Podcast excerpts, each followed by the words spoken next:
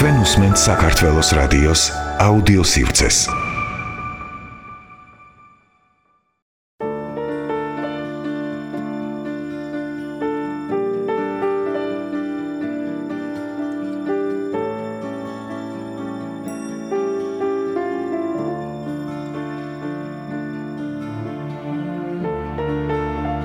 საქართველოს რადიოს აუდიო სივრცე გთავაზობთ. თამას ტყემალაძის პოდკასტს. ქართული კლასიკური მწერლობა.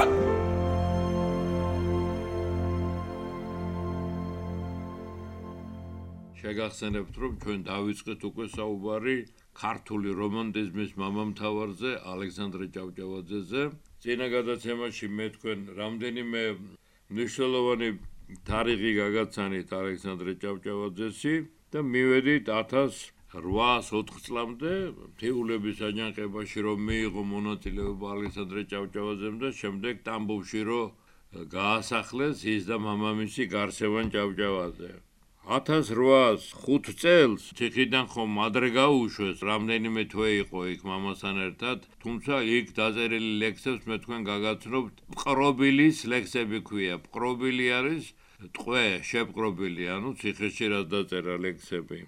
ასე რომ 1805 წლის 30 ნოემბერს იქნა გადასახლებული ისტამბოლში და რამდენიმე თვის შემდეგ 3 წელი უნდა გაეტარებინა ის გაანთავისუფლეს და 1806 წლის შემოდგომაზე ეპატია ეს დანაშაული და გაიწვიეს პეტერბურგის პაშტა корпуსში რომ მიეღო სწავლა და განათლება. ეს რა თქმა უნდა გარსევან ჭავჭავაძის დიდი ავტორიტეტით მოხდა.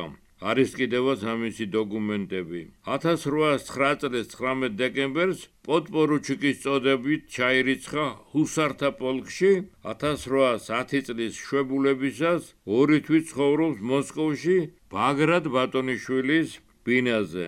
1810 წლის 31 ოქტომბერს დაინიშნა ამ დროს საქართველოს თავარმართებლის გენერალ-ლეიტენანტ მარკის პაულუჩის ადიუტანტად და სამშობლოში გამოემგზავრა. საინტერესოა, რომ ამ დროსვე იქორწინა სალომე იონესასულ ორბელიანზე. შეეძინათ შვილები, წინასწარ ვთქვათ, შეძენა ეს მეტად მნიშვნელოვანი შვილები არიან ქართული ლიტერატურის ისტორიაში და ქართული სულიერების ისტორიაში ნინო ჭავჭავაძე, ეკატერინე ჭავჭავაძე, დავითი, დავითი სხვათა შორის პაპის სახელია, რევაზიც ერქვა და დავითიც ერქვა. დავითი და სალომე. ეს სალომე გახდა შემდეგ იმპერიის განათლების მინისტრის ცოლი. 1812 წლის გაზაფხულზე მოხდა კახეთის დიდი აჯანყება, რომელზედაც ორი სიტყვა უნდა ვთქვათ ისევე. ეს აჯანყება უკვე ძალიან სერიოზული აჯანყება იყო. მოგეხსენებათ რუსეთის მთელი ყურადღება მიპყრობილი იყო დასავლეთის საზღვრებზე, იმიტომ რომ რუსეთ-საფრანგეთის ომი იყო. დაიწყო ეს რუსეთ-საფრანგეთის ომი, ამხელა არმიით შემოვიდა ნაპოლეონი რუსეთის ტერიტორიაზე და ამ დროს დროიხელთეს ქართველებმა და ჩამოიყვანეს ალექსანდრე ბატონიშვილი. ალექსანდრე ბატონიშვილი ეს დაუძინებელი მოწინააღმდეგე რუსეთისა, რუსეთის ზეობისა საქართველოსში და ციცოცხლის უკანასკნელ წამამდე მებრძოლი საქართველოს გათავისუფლებისათვის საერთოდ ბევრი წერილები იწერება ჩვენს ლიტერატურის ისტორიაში და ჩეხვდებით წერილებს. ალექსანდრე ბატონიშვილს ხშირად უწოდებენ ავანტიურისტს ავანტიურისტი იყო, რა თქმა უნდა, დაუზოგავა იყო ქართველი ხალხი იღუპებოდა ამ შეჯახებებში და ამ წინააღმდეგობებში და როგორც სპილოს შეიძლება შეებრძოლოს კოღო, აი ასეთი შედარება იყო. საქსაქსულები უმეფო ქვეყანა, ჩვენ წართმეული ქონდა რაღაცა იმედი ზარღვისკი გადაჭრილი ქონდა სავიდან ბოლომდე და ამ დროს არავითარი აზრი არ ქონდა ამ ხელა წინააღმდეგობებს. თუმცა ისტორიაში შევიდა კახეთის 1812 წლის აჯანყება, იმიტომ რომ ერთი მომენტი ამან საკმაოდ დიდი მანძილი მოიცვა, რომ რუსებისაგან გაწმინდეს მთელი თითქმის კახეთის ტერიტორია და აქამდე მოვიდნენ აგერ თბილისის მისადგომებამდე. ბევრი გვარი არის აქ, რომლის დასახელებაც საჭიროდ არ მიმაჩნია, მინდა თქვა რომ აი ამ ომში მე საკმაოდ ვილაპარაკე 1804 წლის აჯანყებაზე და რა თქმა უნდა ქებით მოიხსენიე ჭაბუკი ალექსანდრე ჭავჭავაძე რომელიც იდგა ბატონიშვილების გვერდით და თავისი ჭაბუკური ფანტაზიებით თითქოს ათავისუფლებდა ის საქართველოს მაშინ, მაგრამ დამარცხდა. აი ახლა კი ალექსანდრე ჭავჭავაძე არის ჩინმედლებიანი, სამხრეებიანი, არის უკვე გამოცდილი ბრძოლაში და არის უკვე დაკაცებული და იწება კახეთის ეს დიდი აჯანყება და ალექსანდრე ჭავჭავაძე თუ 1804 წელს შეაჯანყებულთა მხარეზე იდგა, ახლა ცდილობს რომ რაღაცნაირად უსისხლოდ მოაგვაროს ეს საქმე, მაგრამ ეს საქმე უსისხლოდ არ მოგვარდა, ძალიან ბევრი რუსიც დაიღუპა, მაგრამ გასილებით ბევრი ჩვენი ქართველი დაიღუპა ამ აჯანყების დროს. მას ეს იყო 1812 წელი. ახაც უნდა აღნიშნოთ, რომ აი ამ შეტაკებების დროს ალექსანდრე ჭავჭავაძე ტყვით დაიჭრა მუხლზემოთ ბარძახში. ტყვიას არ გაუტეხია ძვალი, მაგრამ ძალიან რაღაც ზარღვი იყო გადაჭრილი. და მას უშველა ჩვენ საქართველოსში ცნობილი ექიმბაშების და მას უშველა ჩვენში ძალიან ცნობილი მეწამლეების თორმანიძეების მალამო. ისინი ახლა საკეთებენ ამ მალამოს და მშვენიერი რეკლამა გაუკვეთეთ ჩვენ. 1813 წლის დამდეგს მოსკოვშია პეტერბურგში ჩადის შემდეგ და მიემგზავრება რიგაში მარკის პაულიჩისთან ერთად. მარკის პაულიჩი იქიდან იყო და როგორც ჩანს სამშობლოში გაყვა თავისი ადიუტანტი და ძალიან საყვარელი პიროვნება ამ საქართველოს თავარმართებლისათვის. 1813 წლის სექტემბრიდან 1814 წლის ივლისამდე იმყოფებოდა გენერალ ბარკლაი დეტოლის განკარგულებაში. მე მინდა გითხრათ და შეგახსენოთ, რომ დამთავრდა ეს 1812 წლის ომი, რომ გადაწვეს რუსებმა თავის ხელით მოსკოვი და მოხდა ეს შემომბრუნება ამ ბრძოლისა. დაიღუპა თქვენ კარგად იცით ბოროდინოს ველზე უდიდესი მეომარი და სტრატეგი რუსეთისთვის თავდადებული პეტრე ბაგრატიონი ვისი საფლავიც 4ჯერ გაქურდეს რუსებმა და ძლები ამოყარეს მაღლა. აი ასეთი პატევი წეს ბაგრატიონს რუსებმა. აი როდესაც ბარკლაი დეტოლის არმიაში არის ახლა უკვე ალექსანდრე ჭავჭავაძე და კუტუზოვი გახლავთ ისევ ხელმძღვანელი რომ დაითრიეს ნაპოლეონის არმია და რომ მიაწვენ თავისებურად ეს მიწოლა კარგად იცოდნენ რუსებმა ბრძოლაში დაიწყო ოტება ევროპისაკენ ამ ლაშქარმა და დროდადრო შემოbrunდებოდა და ბრძოლები იმართებოდა რამდენ სამი ადგილას გამართა ბრძოლა? მიიღო მონაწილეობა ალექსანდრე ჭავჭავაძემ და იგი ბოლოს და ბოლოს იყო ის პიროვნება ვინც ერთ-ერთი პირველი შევიდა საფრანგეთის დედაქალაქში პარიზში გაწეული მამაცობისათვის და გმირობისათვის ღირსეული ჯილდოებიც მიიღო ალექსანდრე ჭავჭავაძემ. ამის შემდეგ 1814 წელს დაბრუნდა ის საქართველოში და დაინიშნა ადგილობრივი ლეიფ ჰუსართა პოლკში. 1816 წლის იანვრიდან 1818 წლის ოქტომბრამდე დროებით დაითხოვეს ის სამსახურიდან. თითქოს 1812 წელს მიღებული ჭრილობის მოსაშუშებლად, მაგრამ ეს ასე არ იყო.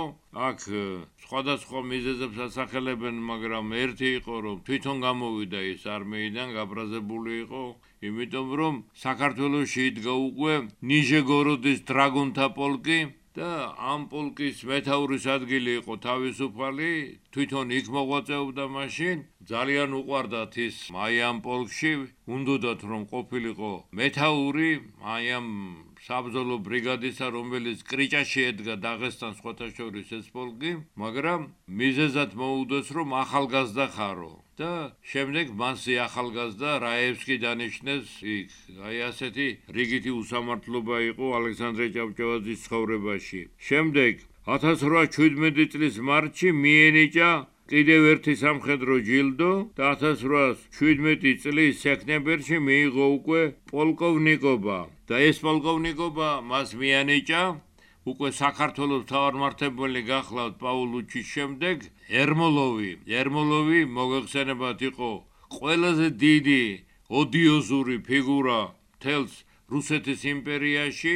ერმოლოვის ეშინოდა საიმპერატორო ოჯახს რომ ემან არ მოაბრუნოს ეს კავკასიის ჯარები და ჩვენ არ დაგვეტაკოსო იმიტომ რომ 25 წლის მერე შეინიშნებოდა მისი ურთიერთობა დეკაბრისტებთან თუმცა მანამდეც მისი ნახევარი ძმა იყო კახოვსკი რომელმაც ძალიან დიდი ენერგია დახარჯა სწორედ იმპერატორის ოჯახებთან ბრძოლაში. და ერთი ეტყვით აფასებდნენ მაგრამ ეშინოდათ. აი ასეთი იყო. მე ამას იმიტომ ლაპარაკობ რომ ერმოლოვს უყვარდა ქართველები. 16 წლიდან სწორედ ერმოლოვი იყო საქართველოს თავარმართებელი ჯერ კონსული იყო და შემდეგ თავარმართებელი და ერმოლოვმა დააწინაურა ჯარში ყველგან ქართველები სადაც კი იყო.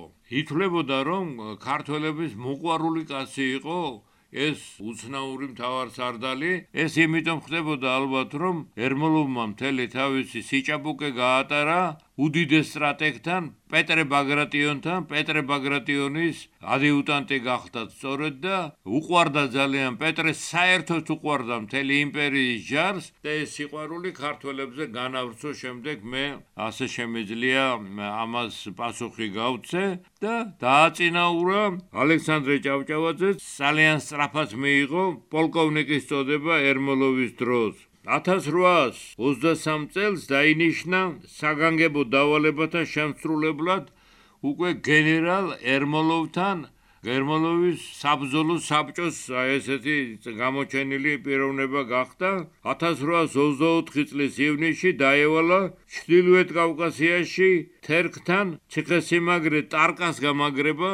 ეს იყო ძალიან მნიშვნელოვანი პლაცდარმი რომელსაც ვინც ფლობდა ის იყო ძალიან ძლიერი და ბოლოს რუსების ხელში იყო ეს ციხესიმაგრე 1826 წელს მიენიჭა გენერალ-მაიორის წოდება 1827 წლის სექტემბერ-ოქტომბერში მონაწილეობდა რუსეთ-სპარსეთის ომში და დაიპყრო თავრიზი. აი ეს პატარა საქმე არ არის ძირფასო რადიოსმენელებო, და მიიქცია ყოველას ყურადღება მისმა სიმამაცემ, მისმა დამოკიდებულებამ სამხედრო ძალებთან უყვარდა და პატივცემდნენ ალექსანდრე ჭავჭავაძეს და 1827 წელს დაინიშნა აზერბაიჯანის დროებითი მართლობის წევრად და თავრიზის ოლქის შემოსავლის დამდგენი დამთვლელი კომისიის თავმჯდომარედ. 1828 წელს კი დაინიშნა სომხეთის ოლქის გამკარგულებლად. სომხეთი ძალიან პატარა დასახლება იყო. ამდენი ომებისა და დავით არაბას შეეწირა უამრავი სომეხი და უამრავი სომეხიც გასახლებული იყო სომხეთიდან და იყვნენ ისინი თურქეთის მხარეში და განსაკუთრებით მეტი ირანის მხარეში და სულ იყო დასმული საკითხი, რომ აი ამ ტოლვილები იყვნენ, ტოლვილების გადმოსახლებაზე სულ იყო ლაპარაკი ლაპარაკი და სულმალე ჟაკრული ხერხი ქონდა რუსეთს რომ ამ სამხების დიდი ნაწილი უნდა საქართველოსში ჩაესახლებინათ და გადმოსახლების უფროსად დანიშნეს ალექსანდრე ჭავჭავაძე რომ არავის არ ეთქვა რატო მოხდა ეს ამბავიო? 1828 წლის აგვისტოს სექტემბერში მონაწილეობდა რუსეთ-ოსმალეთის ომში.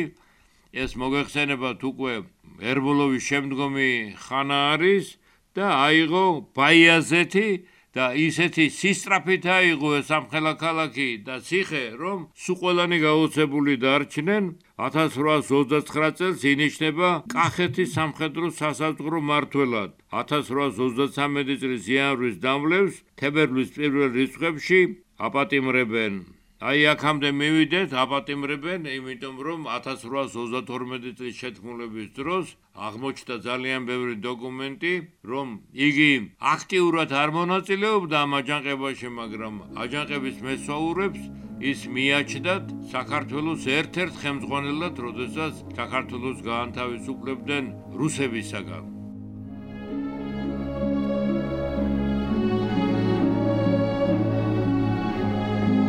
საქართველოს რადიოს აუდიო სივრცე გთავაზობთ. თამას ტყემალაძის პოდკასტს. ქართული კლასიკური მწერლობა.